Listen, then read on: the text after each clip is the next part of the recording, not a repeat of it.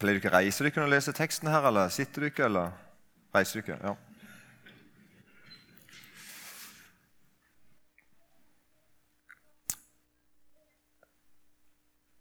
I Jesu navn. Overskriften her er bare i min bibel så står det 'Jesus renser en spedalsk'. Det er liksom overskriften i forfortellingen. Da kom en spedalsk til ham.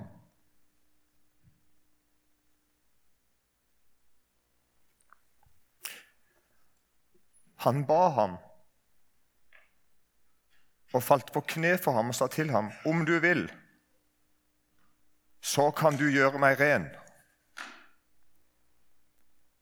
Jesus fikk medynk med ham, rakte ut hånden, rørte han og sa, 'Jeg vil, bli ren.'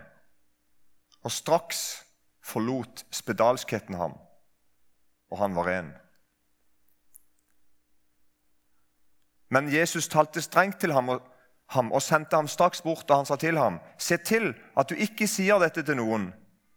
Men gå og vis deg der for presten og bær fram det renselsesofferet som Moses har påbudt, til et vitnesbyrd for dem.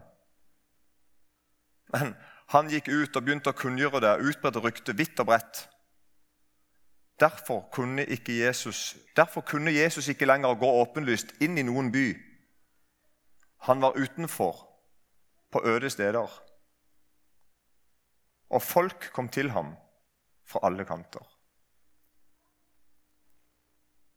Sånn lyder Herrens ord.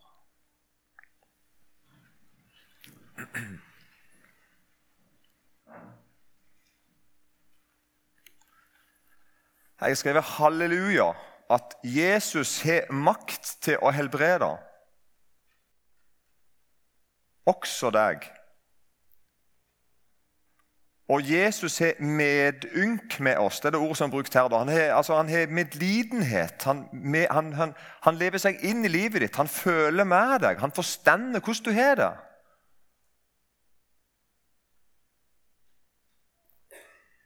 Og Jesus er lydig mot Skriftene. Det vil si at Når vi leser om hvordan Jesus skal være Når du møter Jesus, så opplever du han er sånn. Han er, han er sånn som Bibelen sier han skal være. Han er trofast og rettferdig. Jesus er respekt for syke og svake. Han har respekt for deg. Og du kan komme til Jesus òg i dag. Det var noen overskrifter. Jeg håper jeg kommer sånn litt inn på de tingene her nå i løpet av de neste få minuttene. Og så har jeg skrevet ei bønn sånn for i dag. Takk for at det er du som er Gud. Takk for din allmakt, for din gode vilje. Kom gjennom ditt ord, din ånd og gjennom din sønn, nå, her. Kom til den som er i mørket, som er sjuk. Kom nå.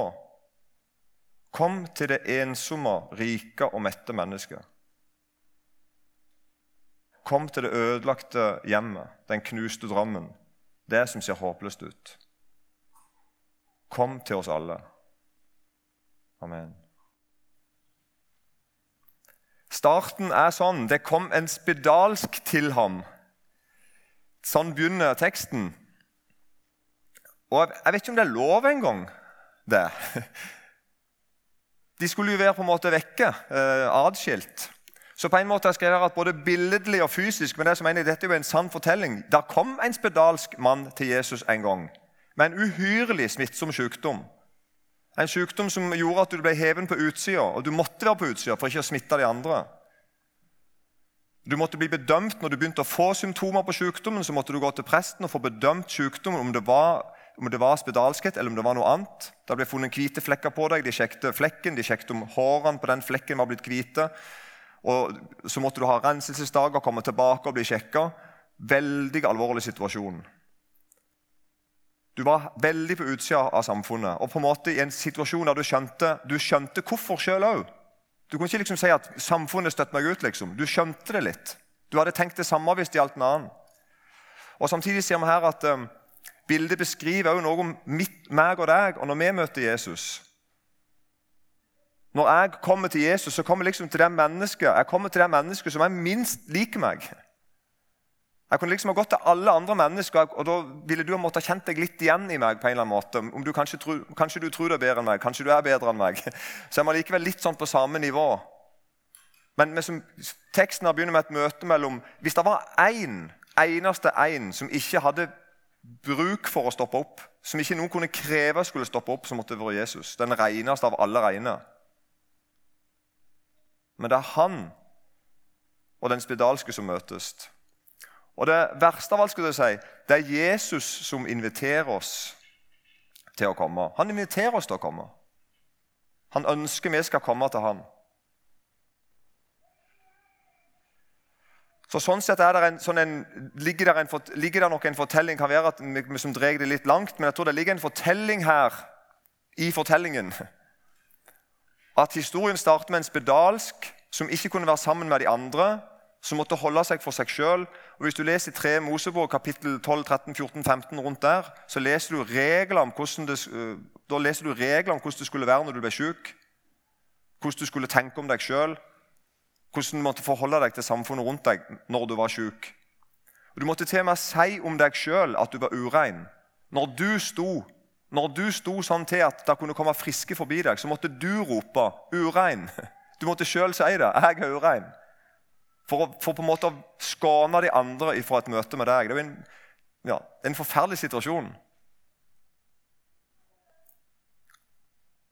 Sånn at Vi leser altså om en, en person som er isolert, utstøtt, og som er klar over det sjøl. Som omtaler seg sjøl som urein, som blir sett på som urein. Vi er redd han, vi vil ikke være med han. Og så møter han da Jesus, som er det stikk motsatte. Og så ser vi at i møte med Jesus så blir hele situasjonen til den spedalske endra. Ikke bare helsa hans, men hele situasjonen hans. Han får et nytt sjølbilde. Han trenger ikke lenger rope urein om seg sjøl når han møter folk. Han er frisk, han er ikke urein, og han får tilbake på en måte livet sitt, vennene sine, familien sin, det sosiale nettverket sitt. Og så slutter teksten med om Jesus. da. Han var utenfor på øde steder. Er du ikke med? Det er akkurat som at Jesus og han spedalske bytter plass. Jesus var innafor og den spedalske utafor. Og så I løpet av møtet mellom Jesus og han så bytter de liksom plass.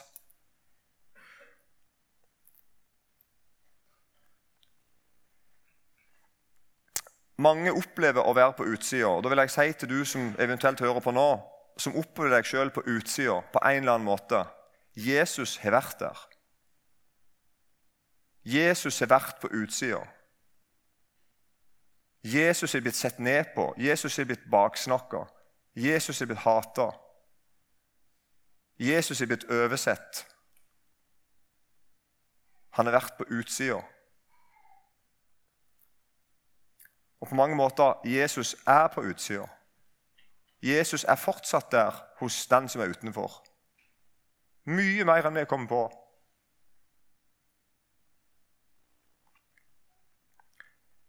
Og til du som er utenfor, som hører på nå, så er det kanskje mange grunner til at du er på utsida. Det kan være at det er noe du har gjort som du ikke skulle ha gjort. Det kan være det er mye du har gjort som ikke du skulle ha gjort. Det kan være det er noe du ikke har gjort som du burde ha gjort. Ikke vet jeg. Og Høyst sannsynlig er det òg pga. noe noe andre har gjort. Det er så lett å være med på å dytte folk utafor. Det er så lett å være med på å skue folk ut forbi den kretsen som jeg går i. Med bare å være med på å legge ut et rykte, bekrefte et rykte. Ikke ta et oppgjør med noen som snakker galt om deg, si noe stygt om deg. Det ødelegger folk.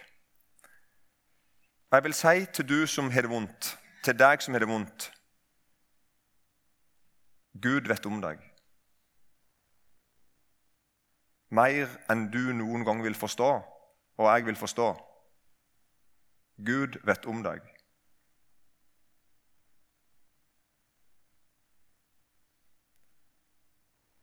Når du gråter over ondskapen som rammer deg, Gud gråter med deg.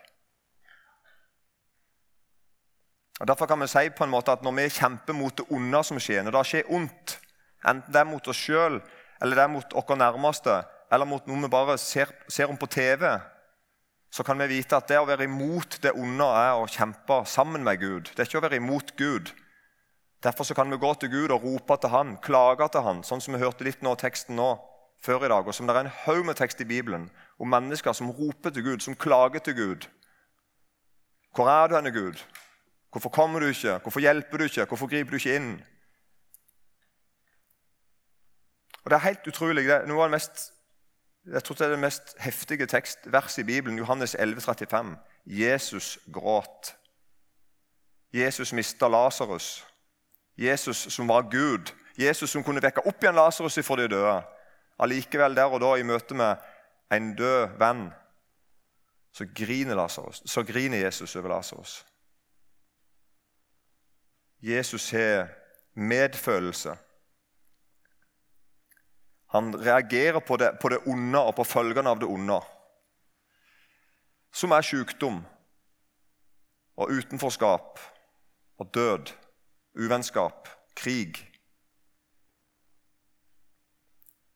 Og Vi tenker ofte at siden det er så mye av den slags, så er liksom det onde blitt kanskje naturlig for oss. Vi prøver kanskje å forsone oss litt med det onde.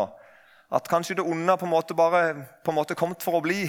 Det er så mye av det, og vi kjenner oss igjen i det, men det, det onde er ikke kommet for å bli. Og det onde er faktisk unaturlig.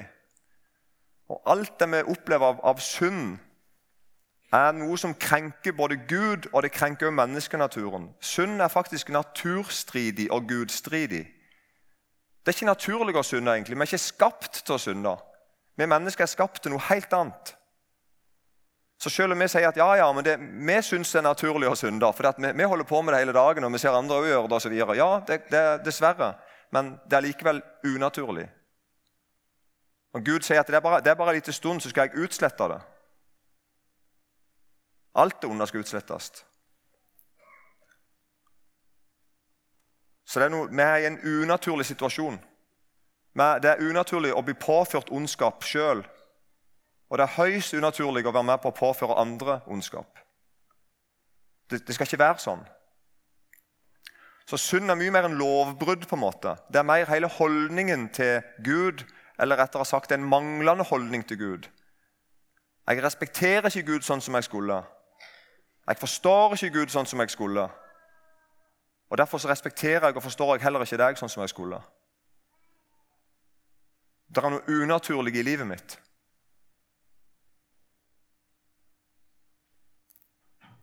Sånn som, og Derfor preges vi av det, vi som er her. Det er noe som ikke er som det skal, og vi merker det. Noen ganger veldig, og noen ganger ikke så, ikke så mye.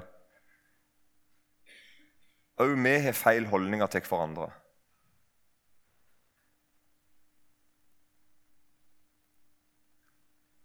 de store tingene det skal bli snakk om på dommens dag. Hva er det skal bli snakk om på denne store dagen når Gud virkelig skal holde dom? Når jeg virkelig skal stå til ansvar for mitt liv? Hva er de store tingene det er snakk om da? De største tingene? De viktigste tingene? Jesus sier det sjøl i Matteus 25.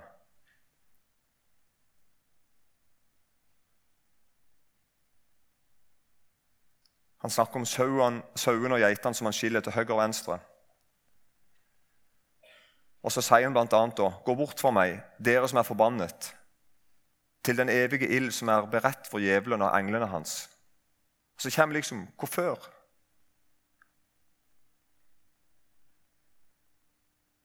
For jeg var sulten, og dere ga meg ikke mat. Jeg var tørst, og dere ga meg ikke å drikke. Jeg var fremmed, og dere tok ikke imot meg. Jeg var naken, og dere kledde meg ikke. Jeg var syk og i fengsel, og dere så ikke til meg. Det er de store tingene på dommens dag.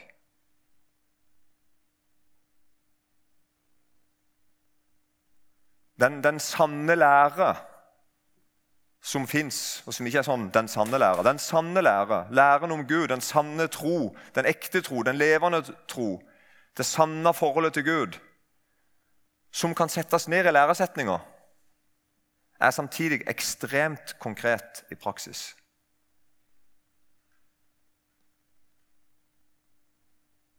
Det handler om hvordan jeg ser på deg, min neste. Jeg skal elske Gud, og jeg skal elske deg.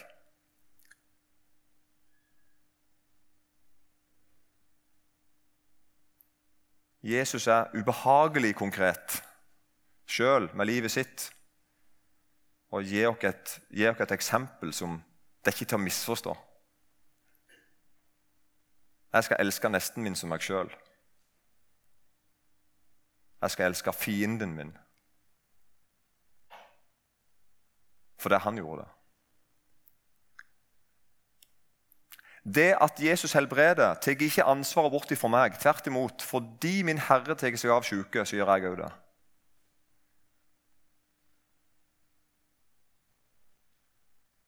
Jeg overlater ikke på en måte til ja, Jesus, du får ta deg av det med helbredelsen. Jeg er klar over at vi har et kall til å helbrede. Og da mener jeg bokstavelig talt vi som kristne har et kall til å be for syke. Til å ha omsorg for syke og til å være sammen med dem. Og noen blir friske sånn. Andre gjør ikke. Vi blir hos dem. Både de som ble friske sånn, og de som ikke ble det. Vi blir hos dem. Vi tar vare på hverandre.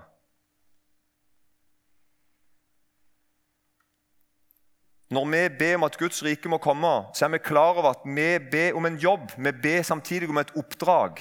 Det er vi som skal være Jesus i møte med vår neste. Det står enormt radikalt i 2. Korinterbrev 5,20. Så er vi da sendebud i Kristi sted, som om Gud selv formaner ved oss. Vi ber i Kristi sted, la dere forlike med Gud. Så Bibelen tenker liksom at når, når Jesus skal møte et menneske på jord, så, så sier han du skal gå i stedet for meg.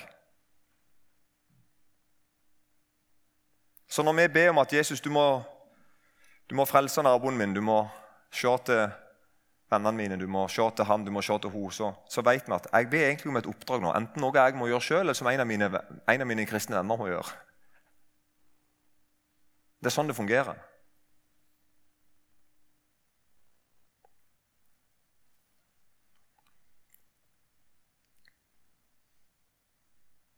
Så kommer det en sånn en ting i, teksten her om at Jesus forteller mannen strengt at han må ikke fortelle til noen at han ble helbreda. Si han, han skal fortelle til noen. Han skal gå til presten sånn at han kan få på en måte papirer på at han er friskmeldt. Sånn at han får tillatelse til å komme inn igjen på innsida av muren og bli en del av samfunnet igjen. Men utover det så skal han ikke fortelle det til noen. og han Mannen han kunne ikke ha brydd seg mindre. Han forteller det til alle. Eh, jeg tror vi kjenner noe igjen i det. Men, men, hvorfor sier Jesus det han sier? Det, det er sikkert flere grunner til det, men én grunn er faktisk det at Jesus ikke er en manipulerende frelser. I hele evangeliene, i, he, i alle evangeliene, hele fortellingen om Jesus, og også i Gammeltestamentet om Gud som, som leder israelsfolket, så ser vi en, vi ser en herre som ikke manipulerer. Aldri. Jesus kunne liksom ha stått foran meg og deg og gjort noen si noen triks på en måte, som gjorde at vi mista litt forstanden. Og skrudde av litt logikken vår og alt mulig, og bare vi som ga oss hen til et eller annet greier, som vi der og da ble fascinert av. Ikke sant? Jesus opererer aldri sånn. Det er faktisk veldig viktig for Jesus å møte deg og respektere deg. Snakke med deg. Og Derfor så sies det om, de, om kristne, da, nå, vi som er her, at du som hører Jesus til, at det, det er noe som kjennetegner deg. Tegn og under skal følge deg. Og Da tenker jeg at du kan ta det ganske bokstavelig. At der går Jesus, og så kommer jeg. Og bak oss igjen så kommer tegn under. Det følger oss. Det er bare en konsekvens av at jeg følger Jesus, og jeg og Jesus er i lag. Og jeg gjør de gjerningene som Jesus fører meg til å gjøre. Og bak meg så følger dere etter noen, og det er da tegn under. Er det med? Men det er ikke motsatt. Det er ikke sånn at vi tar tegn under foran noe, og så dytter vi det ut til folk og, og ber dem som tar stilling til tegn under først, og så til Jesus etterpå. Nei. Jesus kommer først, og så kommer tegn under han, liksom bare som en slags naturlig konsekvens av at her er Jesus. Og bare så det er sagt, Hvis tegn under ikke følger oss, da er det noe galt med oss. For tegn og under skal følge den som tror. Så vi gjør jo sånn som Jesus. Vi, vi dytter ikke kristendom på noen på en sånn måte at vi er i fare for å manipulere dem og tvinge dem nærmest i kne. Nei, vi forstår det, at vi vil vi gir dem Jesus. Vi anbefaler Jesus, og vi viser hvordan Jesus er Vi sjøl, og gjør det Jesus vil vi skal gjøre. Det var faktisk så gale at i Johannes 7, hvis du leser det, det kapittelet, det er helt sprøtt. Det, det, der sitter altså søsknene, altså, eller halvsøsknene til Jesus, som du vil. De sitter og bortimot erter Jesus her i, i kapittel 7 og vers 1. De gjør narr av ham når han skal opp til høytiden. Og Så forklarer da Johannes i vers 5 hva, de, hva, hva var det som gjorde at, at halvsøsknene til Jesus kunne være så frekke man, liksom. Så forklares det heller ikke brødrene hans trodde på han, står det. Seinere gjorde de det. Det vet vi. Det står det. Men da, før Jesus døde på korset og sto opp igjen, så, så, heller ikke de trodde at han var hva da? At han var spesiell? Nei, heller ikke de trodde at han var Messias. For det, det å tro på Jesus det er, tro, det er, ikke å vite at han er levd. Eller at han var spesiell. Eller at han er den største profet. Å tro på Jesus er å tro at han er den som skal komme. Messias, Guds sønn. Det er en helt konkret person som det er knytta en haug med helt konkrete løfter til. At sånn og sånn og sånn skal han være. Han er den ene. Den eneste den første og siste. Det er han vi skal høre til.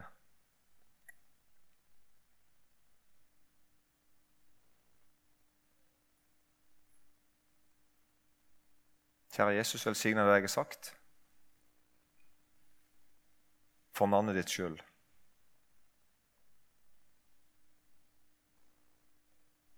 Amen.